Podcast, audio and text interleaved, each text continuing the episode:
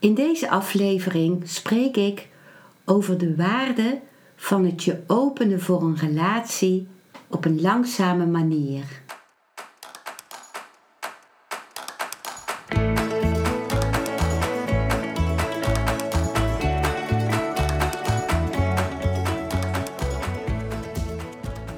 Welkom bij een nieuwe aflevering van Modita's podcast Van Pijn naar Zijn. De podcast waarin ik je meeneem voorbij de pijn in je leven naar wie je diep van binnen bent. Hoe kun je beter omgaan met je gevoelens? Hoe vind je rust in je hoofd? Wat zit er precies achter je pijn? En vooral, hoe kun je steeds meer jezelf zijn? Adem eens diep in en uit. Ik wens je veel luisterplezier.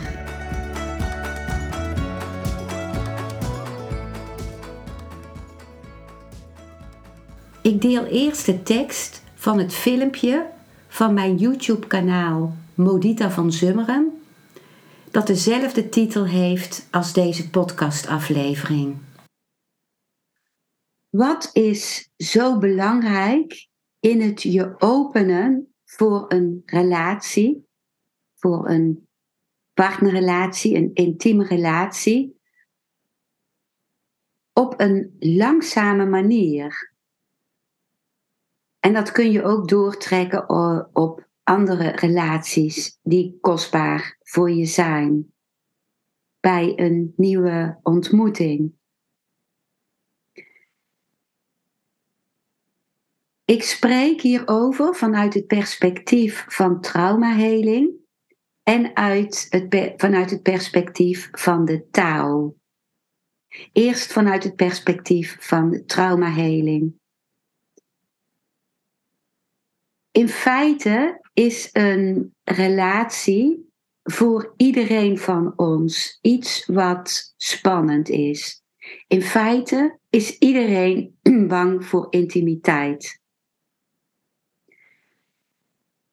En dat komt omdat als we intiem zijn, dan stellen we ons open en dan kan de ander alles van ons gaan zien. Of in ieder geval heel veel van ons gaan zien.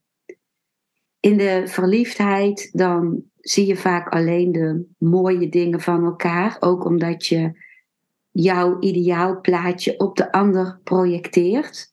Dus daardoor is je beeld gekleurd. Maar geleidelijk aan ga je veel meer van de ander zien. Ook de pijnpunten, ook de kwetsbaarheden, ook onverwerkte woede, onverwerkt verdriet, de hebbelijkheden van de ander. Maar je weet dat de ander dat ook van jou zal gaan zien. En dat is kwetsbaar. En we verwachten vaak eerst van de ander dat die zich kwetsbaar op zal stellen. Maar het is aan ons om onszelf te openen voor de ander. En dat maakt het ook voor de ander mogelijk om zich te openen voor jou. En zeker als je uh, intimiteit gemist hebt in je leven, als je voelt dat je weinig warmte hebt ontvangen vanuit je ouderlijk gezin, om wat voor reden dan ook. Daar is geen sprake van schuld, want je ouders hebben ook weer allerlei invloeden gehad in hoe zij zijn opgegroeid. Maar als daar weinig warmte is geweest, is het verlangen heel groot naar warmte. En de neiging is dan, in feite, is er dan heel veel angst. Angst voor weer afwijzing. Maar er is ook het verlangen. En dan is de neiging soms om ineens heel ver te openen naar iemand. Dus bijvoorbeeld meteen met iemand naar bed te gaan als je de, de ander tegenkomt. Of heel snel bij de ander in te trekken. Of uh, heel snel alles over jezelf vertellen tegen de ander. Dus de neiging is om dan heel ver open te gaan, terwijl dat een veel te grote kwetsbaarheid met zich meebrengt. Je bent dan, als je dat zo snel doet, ben je volkomen uit de verbinding met jezelf.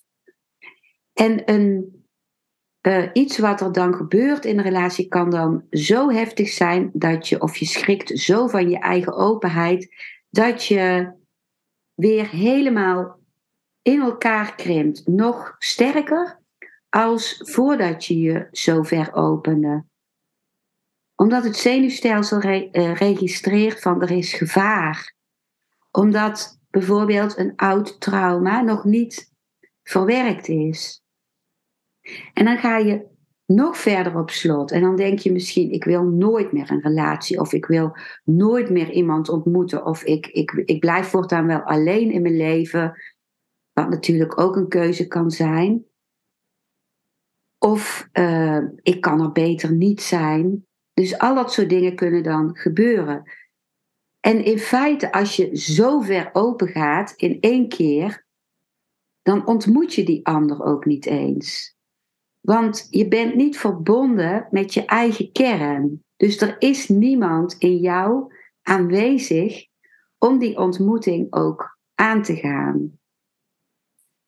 En dat geeft dan ook een heel leeg gevoel. En je bent heel kwetsbaar en je bent leeg, want je omarmt die ander wel. Of je ligt wel met die ander in bed te vrijen, maar je voelt niks, je ervaart niks.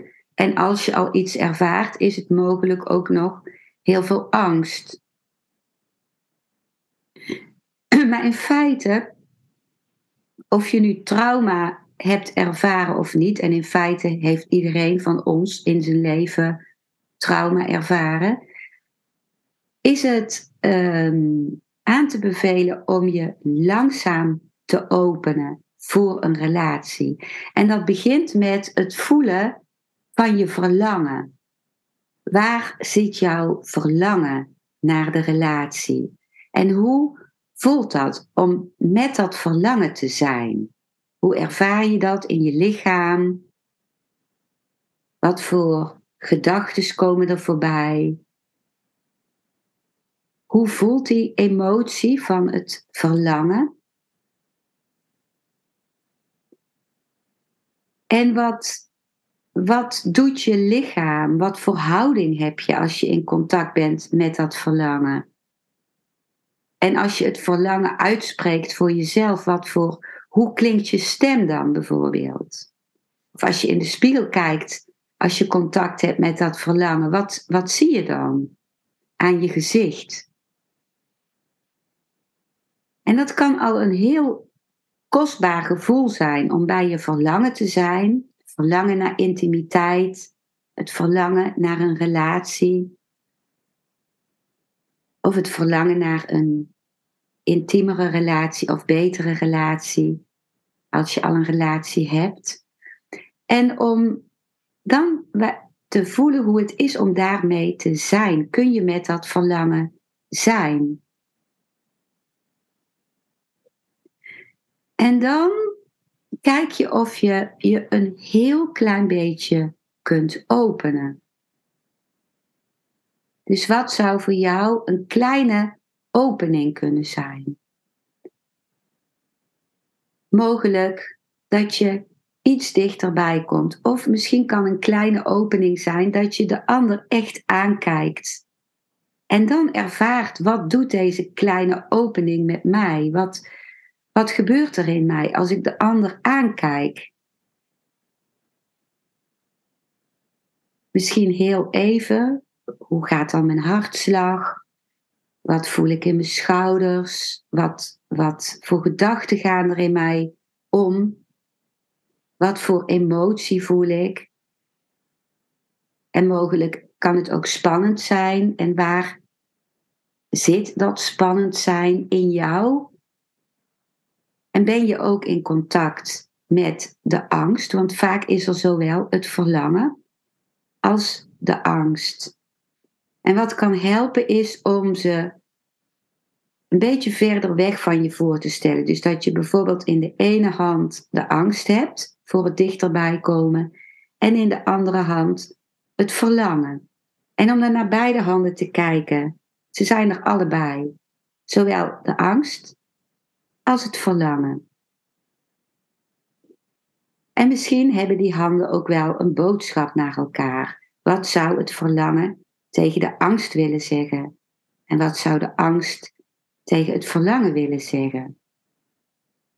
En in feite heeft de angst ook een functie. Die zorgt dat je niet te snel gaat, dat je de juiste afstand kunt houden om het verlangen de kans te geven om geleidelijk aan uh, dichter bij de ander te komen.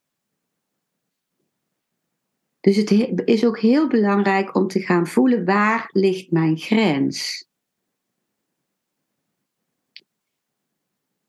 Zo was er uh, iemand die graag mij wilde omarmen aan het eind van een sessie.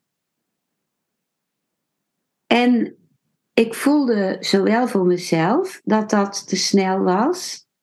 En ik vroeg ook aan de ander van hoe zou het zijn als we dat op een hele langzame manier zullen doen. Dus we gingen op een afstand van elkaar staan. Ik bleef staan op mijn plek en zij kwam dan steeds verder een stap naar voren. En toen voelde ze dat op een bepaald moment dat haar grens van wat nog goed voor haar voelde bereikt was. Toen stonden we ongeveer zo'n stuk van elkaar af.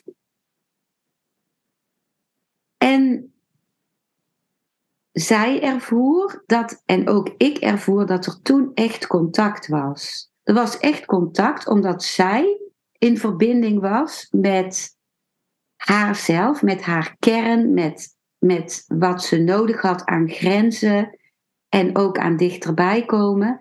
En ook ik bleef in contact met mijzelf.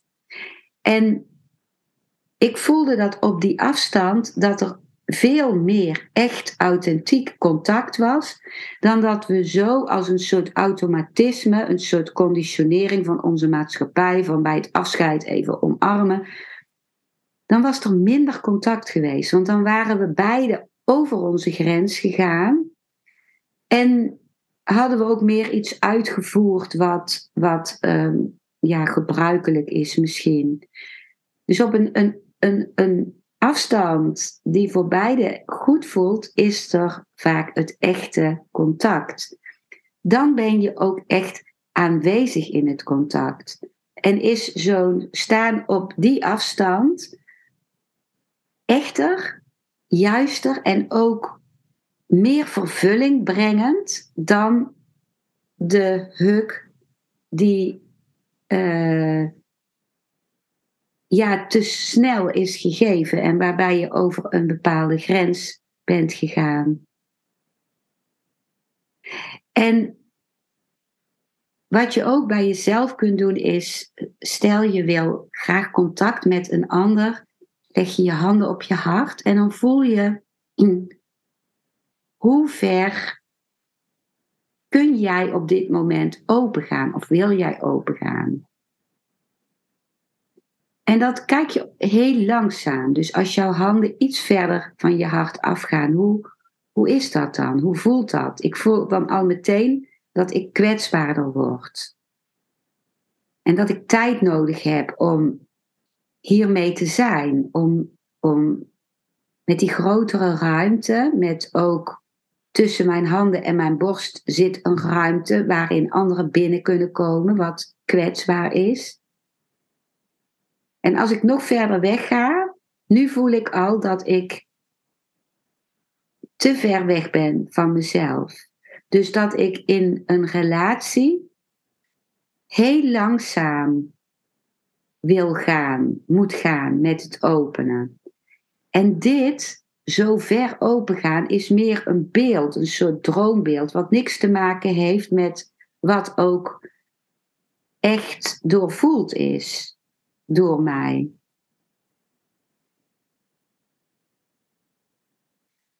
Nu vanuit het perspectief van de Tao, die vanuit de Taoïstische levensvisie, wat een hele diepgaande uh, levensvisie is, die ik ook voorsta, wordt gesproken over de zeven sluiers als je een relatie aangaat met iemand. Het ideaal is helemaal niet om meteen met iemand naar bed te gaan. Dat is vaak als je dat doet, dan blijkt later in de relatie dat je een grens over bent gegaan. En zelfs als je al heel lang een relatie met iemand hebt, dan kan het nuttig zijn om dat op een bepaald moment weer terug te draaien en alsnog te beginnen met elkaar, met die zeven sluiers, met het langzaam opbouwen van het openen. Ik weet niet of ik deze stappen nu helemaal perfect zeg, maar ik zeg ze zoals ik ze onthouden heb. Dus je leert iemand kennen en of kennen, je vindt iemand leuk en de eerste stap is om die persoon te ontmoeten, niet in jouw eigen omgeving, niet in je eigen huis, maar in een omgeving die voor jullie beiden anders is dan je eigen huis. Dus een restaurantje of een cafeetje of met een wandeling. Dat de eerste laten zijn. De tweede stap, zoals ik hem heb onthouden, is dat je elkaar aanraakt met de handen of bij het gezicht. Alleen dat. En ik zeg alleen dat, maar als je echt aanwezig bent in de aanraking van handen, of als iemand jouw gezicht aanraakt, dan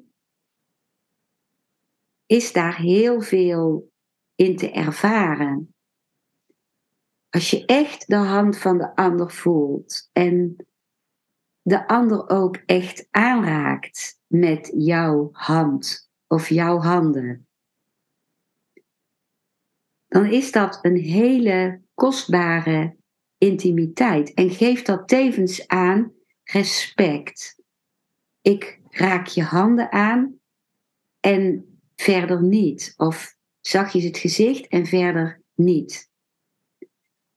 Ik respecteer jou, ik respecteer dat ik, wat het lichaam betreft, langzaam ga.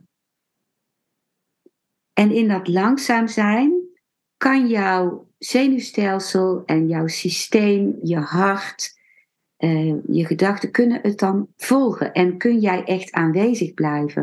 Het is veel kostbaarder dat je echt aanwezig bent in de aanraking van de handen of van het gezicht, dan dat je die ander vanuit een soort lust of verlangen, onvervuld verlangen, helemaal wil bezitten. Een ander kan nooit je bezit zijn.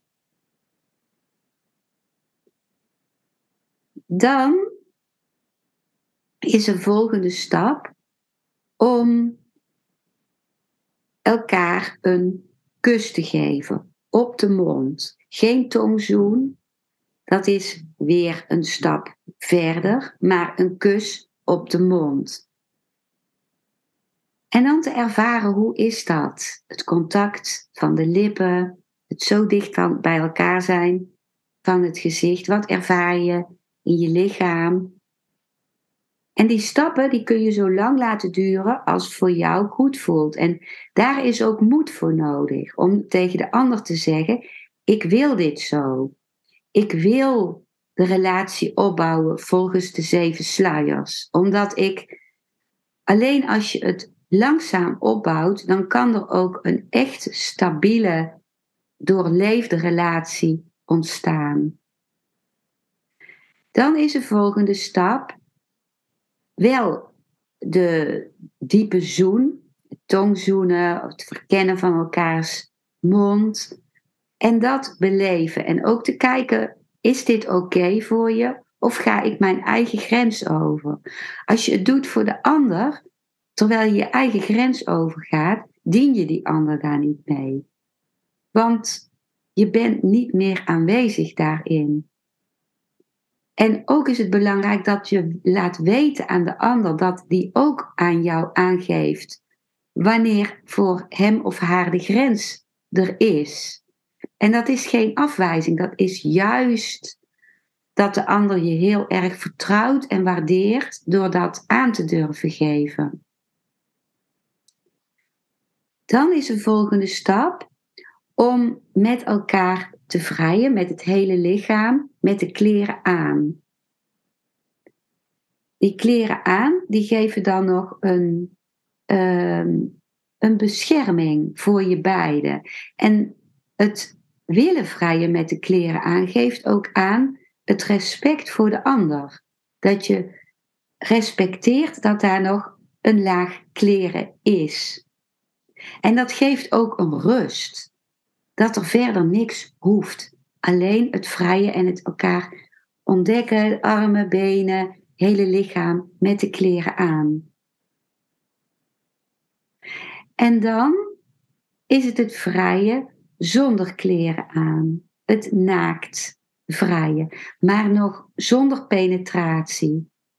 Dus bij een, nog zonder dat je uh, uh, de, de man de vagina van de vrouw penetreert, of dat er bij een, uh, een homoseksuele relatie uh, bij vrouwen met de vingers in de vagina wordt gegaan, of bij mannen penetratie is, bijvoorbeeld via de anus. Dus dan is het naaktvrije zonder penetratie. En de laatste stap is naaktvrije met penetratie.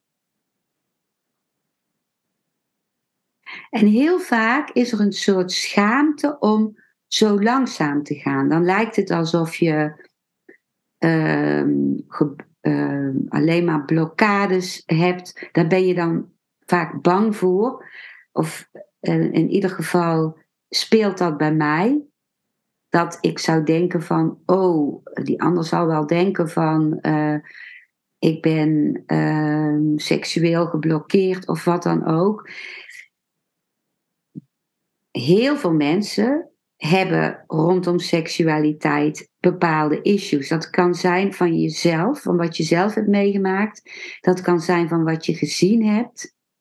En dat kan zijn van wat je ouders of grootouders hebben meegemaakt. En wat al doorgegeven wordt via de emoties, via gedragingen, via energie, maar ook via stress-eiwitten die als je in de baarmoeder zit, van de moeder naar het kind gaan via de baarmoeder. Dus je kunt er gewoon van uitgaan dat heel veel mensen iets dragen rondom seksualiteit en rondom intimiteit. Zo niet iedereen. Dus het is in feite een onterechte angst om te denken dat uh, er iets mis met jou zou zijn als je het langzaam opbouwt. En volgens de Tao, volgens de Oosterse, die Oosterse levensvisie van de Tao, is dat zo essentieel in iedere relatie om het langzaam op te bouwen. En ja, dan kun je nog steeds voelen dat er lust is. Dus dat kun je ook tegen je partner zeggen. Er is heel veel lust. Ik kan dat bijna niet bedwingen.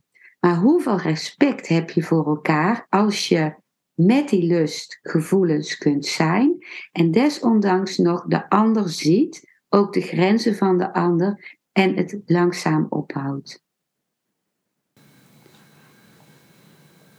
Dit waren de woorden van mijn YouTube-filmpje. Nu deel ik woorden van de Oosterse mysticus Osho over de angst voor intimiteit. Ik heb deze woorden in een eerdere podcastaflevering gedeeld, maar ik vind ze zo kostbaar dat ik ze wil herhalen. Iemand stelt aan Osho de vraag: Geliefde Osho, ik ben een automobilist die na een aanrijding doorrijdt in mijn relaties met mensen. Kunt u spreken over mijn angst voor intimiteit?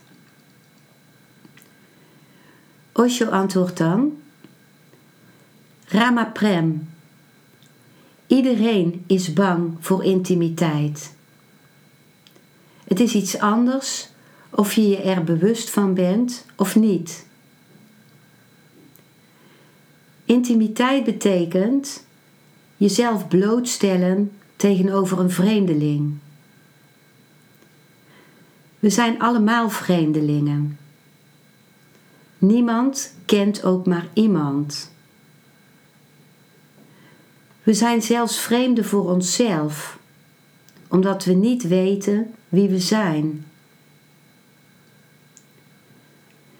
Intimiteit brengt je dicht bij een vreemdeling. Je moet al je verdedigingsmechanismen laten vallen. Alleen dan is intimiteit mogelijk. En de angst is dat wanneer je al je verdedigingsmechanismen laat vallen, al je maskers, wie weet dan wat de vreemdeling met je gaat doen? We verbergen allemaal duizend en één dingen. Niet alleen voor anderen, maar voor onszelf. Omdat we opgevoed zijn door een zieke mensheid. Met allerlei soort onderdrukkingen, remmingen, taboes. En we hebben angst voor iemand die een vreemdeling is. En het maakt niet uit of je nu 30 of 40 jaar met iemand geleefd hebt. Het vreemd zijn verdwijnt nooit. Het voelt veiliger om een kleine verdediging, een kleine afstand te houden. Want iemand kan profiteren van je zwakte, van je broosheid en kwetsbaarheid. Iedereen is bang voor intimiteit. Het probleem wordt complex, want iedereen wil ook intimiteit.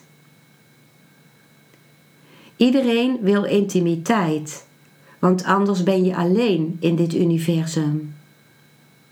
Zonder een vriend, zonder een minnaar, zonder iemand die je kunt vertrouwen, zonder iemand voor wie je al je wonden kunt openen.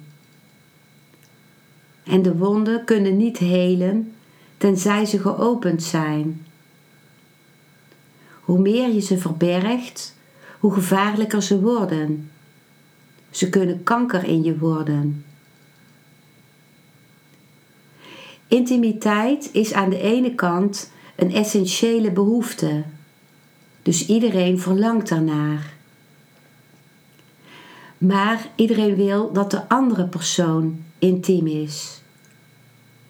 Zodat de andere persoon als een verdedigingsmechanisme laat vallen, kwetsbaar wordt, al zijn wonden naar jou opent, al zijn maskers en valse persoonlijkheid laat vallen en naakt staat zoals hij is. En aan de andere kant is iedereen bang voor intimiteit. Je wil dat de andere persoon intiem is. Jij laat je verdediging niet vallen. Dit is een van de conflicten tussen vrienden, tussen geliefden. Niemand wil de verdedigingsmechanismen laten vallen. En niemand wil komen in totale naaktheid en eerlijkheid. Open. En beide hebben intimiteit nodig. Tenzij je al je verdringingen en remmingen laat vallen die je hebt gekregen van je godsdiensten, je culturen, je maatschappijen, je ouders, je opvoeding, zal je nooit intiem zijn met een ander. En jij zult het initiatief moeten nemen. Maar wanneer je geen verdringing en geen remmingen hebt, dan zal je ook geen wonden hebben. Wanneer je een eenvoudig, natuurlijk leven hebt geleid, dan zal er geen angst zijn voor intimiteit, maar een enorme vreugde van twee vlammen die zo dicht bij elkaar komen alsof ze bijna één vlam worden. Deze ontmoeting is enorm aangenaam, bevredigend, vervullend. Maar voordat je intimiteit kunt bereiken, zul je je huis compleet schoon moeten maken. Alleen een mens van meditatie kan intimiteit laten gebeuren. Hij heeft niets te verbergen. Alles waarvan hij bang was dat iemand het te weten zou komen, heeft hij zelf al laten vallen. Hij is slechts een stilte en een liefhebbend hart. Je moet jezelf in zijn totaliteit accepteren. Wanneer je jezelf niet in zijn totaliteit kunt accepteren, hoe kun je dan verwachten dat iemand anders je accepteert? Dit waren de woorden van Osho, die ook terug te vinden zijn in het boek The Hidden Splendor. En met deze woorden van Osho beëindig ik deze aflevering. Dankjewel voor het luisteren naar deze aflevering. Ik hoop dat hij je een nieuw inzicht of perspectief heeft gegeven. Ik hou van interactie, dus als je iets wilt delen, stuur me dan een mailtje op info@genietenvanmeditatie.nl. Ik geef je dan altijd antwoord. Ik wens jou dat je vreugde in het dagelijks leven zult ervaren en innerlijke rust en dat je steeds meer je pijn zult kunnen omvormen in zijn. Je kunt de afleveringen van deze podcast volgen via Spotify, Google Podcast, Apple Podcast en Podbean door op de volg- of abonneerknop te klikken. Als je luistert via de Apple Podcast, dat kan alleen als je een iPhone hebt, heb je een extra voordeel omdat als je op de knop abonneren klikt, je steeds een berichtje op je mobiele telefoon ontvangt als er weer een volgende aflevering van mijn podcast verschijnt. Je bent van harte welkom bij die volgende aflevering.